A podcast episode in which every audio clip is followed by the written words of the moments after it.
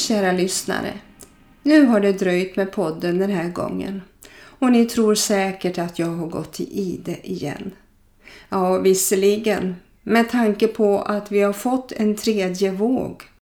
Och jag tänker inte på coronan utan på att vintern har gjort sitt tredje insteg i naturen. Men det är ju så med aprilväder. Man vet inte riktigt från den ena veckan till den andra om det är snö när man vaknar eller sol och fågelkvitter. Det är likadant varje år. Nej, jag har inte gått i ide. Sanningen är den att jag dels har varit lite krasslig, vilket gjorde att jag har fått avboka tid hos tandläkaren. När jag var i min födelsestad och hade fullt upp med mammas flytt av bohag så ville jag trösta mig med en liten godispåse. Den innehöll min favoritkola, Banana Skids. De kan vara rätt så sega och omedgörliga. Och den här gången, när den fastnade i min kindtand, så ville den ta med sig kronan i en tugga. Aj, aj, aj. Det blev en dyr historia. Strax över 6 000 kronor. Jag sparade kronan ifall det gick att sätta dit den igen, men den hade tagit med sig en bit av tanden som dessutom var sprucken. Och till råga på allt så hade det blivit karies i kanten. Därav denna gigantiska utgift. Nej, ingen mer bananaskids för min del, tack. Nu har både jag och mannen i mitt liv fått den beryktade och skandalomsusade covid-19 vaccineringen. Jag fick AstraZeneca och min man fick Pfizer. Jag fick lite feber och huvudvärk samt lite magknip någon dag, men min man hade bara lite magknip. Det har varit många diskussioner här hemma angående covid-19 om vaccinering hit och dit. Vi har följt Folkhälsomyndighetens pressträff varje tisdag och torsdag. Så nu är vi fullproppade med information om restriktioner och lägesrapporter, både från Sverige men även globalt vad gäller smittspridning, antal vårdade, döda och vaccinerade. Det är en konstig tid vi lever i, eller hur? Nu väntar vi på nästa dos i juni och sen får vi hoppas att vi kan umgås lite mer normalt än innan.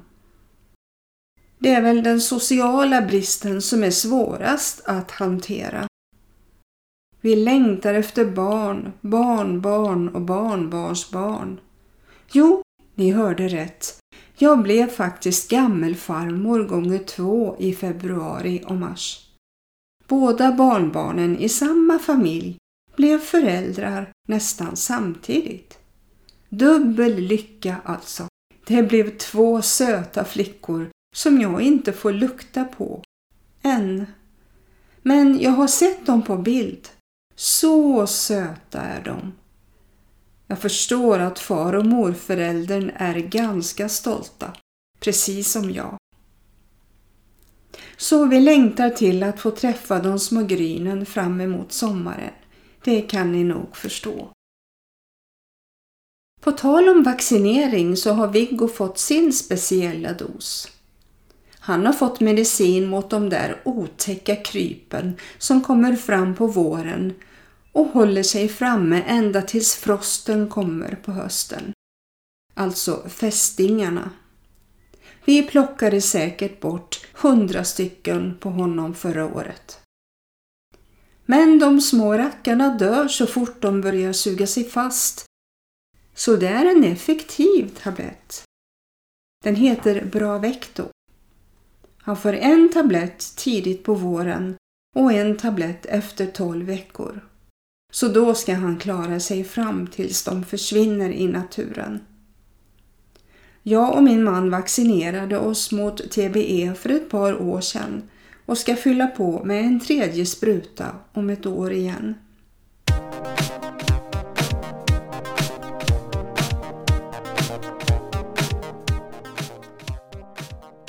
Nej, nu är det dags att sluta prata om sjukdomar och äckliga djur och, istället fokusera på vad Gud säger i sitt ord, Bibeln. Jag vill läsa från ett ställe som nog många har läst senaste tiden i olika sammanhang och som gett och ger tröst och tillit till vår skapare. Och det är psalm 91 och den lyder så här. Den som sitter under den högstes beskydd och vilar under den allsmäktiges skugga. Han säger, i Herren har jag min tillflykt och min borg, min Gud som jag förtröstar på. Han skall rädda dig från fågelfängarens snara och från den förödande pesten. Med sina fjädrar skall han övertäcka dig. Under hans vingar skall du finna tillflykt. Hans trofasthet är sköld och skärm. Du skall inte frukta nattens fasor, inte pilen som flyger om dagen, inte pesten som går fram i mörkret, eller farsoten som härjar vid middagens ljus. Om en tusen faller vid din sida, ja tiotusen vid din högra sida, så skall det inte drabba dig. Med egna ögon skall du se hur de ogudaktiga får sitt straff. Ty du har sagt att Herren är ditt skydd. Du har gjort den högste till din tillflykt. Ingen olycka skall drabba dig, ingen plåga närma sig din hydda. Ty han skall ge sina änglar befallning om dig att bevara dig på alla dina vägar. De skall bära dig på händerna så att du inte stöter din fot mot någon sten. Över lejon och huggormar skall du gå fram. Du skall trampa ner unga lejon och drakar. Han håller mig kär och jag skall befria honom. Jag skall beskydda honom, ty han känner mitt namn. Han ropar till mig och jag svarar honom. Jag är med honom i nöden. Jag skall rädda honom och ge honom ära. Jag skall mätta honom med långt liv och låta honom se min frälsning. Jag är säker på att många har använt den här salmen i saltaren under denna coronapandemi. Men säkert har många undrat, gäller den här salmen verkligen mig? Då kan jag säga dig att det gör den. Du kan ta den till dig och lita på vad som står där. När Jesus blev frestad av djävulen i öknen så citerade djävulen en del av denna psalm, även om han uteslöt en del av meningen Ty han skall ge sina änglar befallning om dig att bevara dig på alla dina vägar. De skall bära dig på händerna så att du inte stöter din fot mot någon sten. Djävulen citerade så här till Jesus när han frestade honom att kasta sig ner från templet. Han skall ge sina änglar befallning om dig och de skall bära dig på händerna så att du inte stöter din fot mot någon sten. Han utelämnade alltså de fyra sista orden. Bevara dig på alla dina vägar. Så det var inte rätt citerat från Guds ord. Och sanningen är den att det ingick inte i Guds plan för Jesus att han skulle kasta sig ner från templet och göra ett spektakulärt under. När vi vandrar på Guds väg för vårt liv, då finns också hans beskydd för oss. Jag läste den här salmen i Handbok för livet och den förklarar lite mer vad salmen säger. Vi bor i den allsmäktiges skugga, skyddade av Gud, av honom som är över alla gudar. Därför kan vi säga, bara han är min tillflykt, det enda fasta, det enda trygga. Han är min Gud och jag litar på honom. Han räddar dig från alla gömda faror och skyddar dig från alla dödliga sjukdomar. Han kommer att skydda dig med sina vingar. Ja, under sina vingar bevarar han dig. Hans trofasta löfte är din rustning. Du behöver inte vara rädd längre för pest och andra plågor. Du kan gå lugn under dagen och du kan vila trygg och utan ångest under natten. Även om tusen faller vid min sida, ja, även om tiotusen stupar och dör runt omkring mig, kommer inget ont att hända mig. Med egna ögon ska jag få se på hur de ogudaktiga straffas. Men jag ska inte dela deras öde, för Herren är min tillflykt. Jag har Gud, den högste, till min beskyddare. Därför kan inte ondskan övervinna mig. Ingen olycka ska komma i närheten av mitt hus. Han har sänt ut sina änglar för att skydda mig vart jag än går. Med sina händer ska de bära mig så att jag inte snubblar på någon sten. Jag kan tryggt möta både lejon och giftiga ormar, ja till och med trampa på dem. Herren säger, eftersom han älskar mig av hela sitt hjärta ska jag rädda honom. Jag ska göra honom mäktig därför att han erkänner mig som Herre. När han ropar på mig ska jag svara honom. Jag ska vara med honom i hans svårigheter och rädda honom och ära honom. Hos mig finner han den hjälp han behöver och jag ska ge honom ett långt och innehållsrikt liv. Dessa ord får vi ta till oss i alla situationer. Herren vill ha ett ödmjukt och förkrossat hjärta som söker honom helhjärtat. Ett ödmjukt hjärta är ett hjärta som förtröstar på Gud i livets alla omständigheter. Men vi får inte dumdristigt utmana Gud. Jesus sa till djävulen att det även står i Guds ord att vi inte ska fresta Gud. Detta står i femte Mosebok kapitel 6 och vers 16 i berättelsen om Israeliterna när de fick föreskrifter från Mose som var medlare mellan Gud och folket. Ni skall inte fresta Herren er Gud så som ni frestade honom i massa. Ni skall troget hålla Herrens, er Guds bud och det vittnesbörd och stadgar som han har gett dig. Du skall göra det som är rätt och gott i Herrens ögon, för att det må gå dig väl och för att du må komma in i och ta i besittning det goda land som Herren med ed har lovat åt dina fäder genom att han driver bort alla dina fiender för dig så som Herren har lovat. Gud gav också israeliterna och alla människor dessa ord i vers 4 till och med 9. Hör Israel, Herren vår Gud, Herren är en.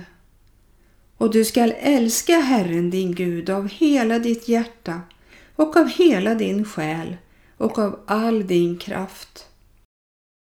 Dessa ord som jag idag ger dig befallning om skall du lägga på hjärtat. Du skall inskärpa dem hos dina barn och tala om dem när du sitter i ditt hus och när du går på vägen, när du lägger dig och när du stiger upp. Du skall binda dem som ett tecken på din hand och det skall vara som ett band till påminnelse på din panna och du skall skriva dem på dörrposterna i ditt hus och på dina portar. När vi väljer att tjäna och älska Gud så vill han bekräfta sina löften och bevara oss på alla våra vägar. Han vill beskydda oss från allt ont och vara med oss hela vårt liv. Det är också ett av änglarnas uppdrag att beskydda de troende. Det finns exempel på sådana skyddsänglar i Bibeln. bland annat i Daniels bok kapitel 6 när Daniel blev kastad i lejongropen och kungen kom för att kolla hur det gått. Så ropade Daniel till kungen så här. Må konungen leva för evigt. Min Gud har sänt sin ängel och stängt till lejonens gap så att de inte skadat mig. För jag är utan skuld inför honom och jag har inte heller förbrutit mig mot dig, o konung. Då blev kungen mycket glad och befallde att man skulle ta upp Daniel ur gropen. När han hade tagits upp kunde man inte upptäcka någon skada på honom, ty han hade förtröstat på sin Gud. Och i Apostlagärningarna kapitel 12 i Nya testamentet, när Petrus blev fängslad för sin tro, står det Petrus låg och sov mellan två soldater, bunden med två kedjor. Och utanför dörren stod vakter som bevakade fängelset. Och se, en ängel stod där och ett ljussken lyste upp rummet. Ängeln stötte Petrus i sidan och väckte honom och sa Skynda dig upp! Då föll kedjorna från Petrus händer och ängeln sa till honom Sätt på dig bältet och ta på dig sandalerna. Petrus gjorde det och ängeln sa Ta på dig manteln och följ mig.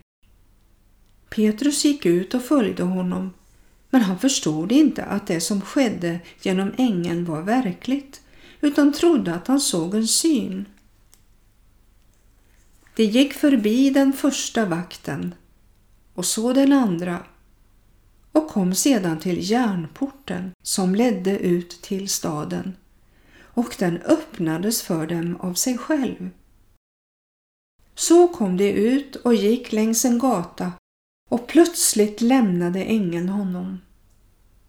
När Petrus blev sig själv igen sa han Nu vet jag verkligen att Herren har sänt sin ängel och räddat mig ur Herodes hand och från allt som det judiska folket hade väntat sig.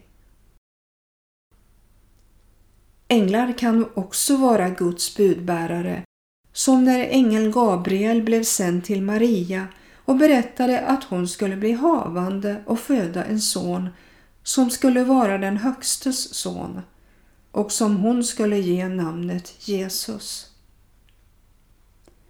I Apostlagärningarna kapitel 27 berättas det också om när Paulus skulle resa till Rom och befann sig på en båt och det som var på den råkade ut för en kraftig storm. Och Paulus ropar till besättningen Jag uppmanar er att vara vid gott mod. Inte en enda av er skall mista livet, bara fartyget skall gå under. En ängel från den Gud som jag tillhör och tjänar stod nämligen bredvid mig i natt och han sa Frukta inte Paulus, du skall stå inför kejsaren.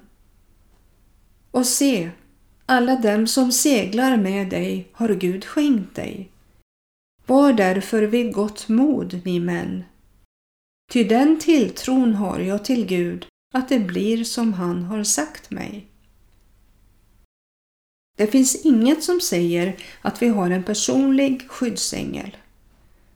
Änglarna kan vara Guds budbärare och beskydda de troende. Men de visar sig inte annat än vid sällsynta tillfällen. Gud är den högste och honom skall vi tillbe och tjäna. Han har skapat allt i himlen och på jorden. Jag vill sluta med att läsa från Hebreerbrevet kapitel 1 och framåt. Gud har talat genom Sonen. Sedan Gud i forna tider många gånger och på många sätt hade talat till fäderna genom profeterna har han nu i den sista tiden talat till oss genom sin son. Honom har han insatt till att ärva allting och genom honom har han också skapat världen. Sonen utstrålar Guds härlighet och uppenbarar hans väsen och uppehåller allt genom sitt mäktiga ord. Och sedan han utfört en rening från synderna sitter han nu på majestätets högra sida i höjden. Sonen är så mycket större än änglarna, som det namn han har ärvt är för mer än deras. Till vilken av änglarna har Gud någonsin sagt du är min son, jag har idag fött dig? Eller Jag skall vara hans fader och han skall vara min son. Och när han låter den förstfödde träda in i världen säger han också Alla Guds änglar skall tillbe honom. Om änglarna säger han Han gör sina änglar till vindar och rättens spira är ditt rikes spira. Du älskar rättfärdighet och hatar orättfärdighet. Därför, Gud, har din Gud smort dig med glädjens olja mer än dina medbröder. Och du, Herre, har i begynnelsen lagt jordens grund och himlarna är dina händers verk.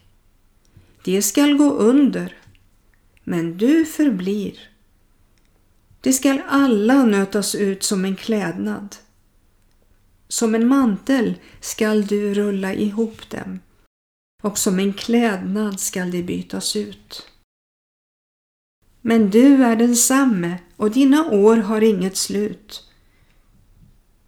Till vilken av änglarna har han någonsin sagt Sätt dig på min högra sida tills jag har lagt dina fiender som en fotpall under dina fötter. Är inte änglarna andar i helig tjänst, utsända för att tjäna dem som skall ärva frälsningen? Jesus som för en liten tid gjordes ringare än änglarna, honom ser vi nu krönt med härlighet och ära därför att han led döden. Genom Guds nåd skulle han smaka döden i allas ställe.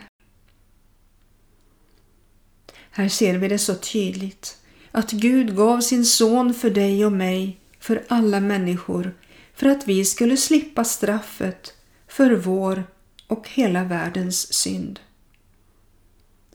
Han har också lovat vara med oss alla dagar intill tidens slut, när vi väljer att öppna hjärtat för honom och ta emot hans frälsning. Hans kärlek flyttar in i våra hjärtan och han gör oss till lärjungar, hans älskade barn. Då vill han bekräfta sitt löfte som vi läste om i psalm 91 Herren säger Eftersom han älskar mig av hela sitt hjärta ska jag rädda honom. Jag ska göra honom mäktig därför att han erkänner mig som Herre. När han ropar på mig skall jag svara honom. Jag ska vara med honom i hans svårigheter och rädda honom och ära honom.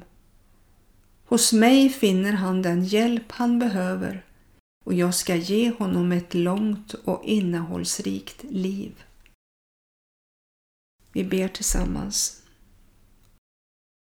Tack Fader för att du är vår skapare. Och tack för att du har skapat jorden, himlarna och allting som finns i världen. Och jag tackar dig Fader för att vi får ta emot dig i våra hjärtan och att vi får kallas Guds barn. Tack för att vi också får vara dina lärjungar. Att du vill leda oss på den väg som vi går fram. Att du vill undervisa oss i ditt ord.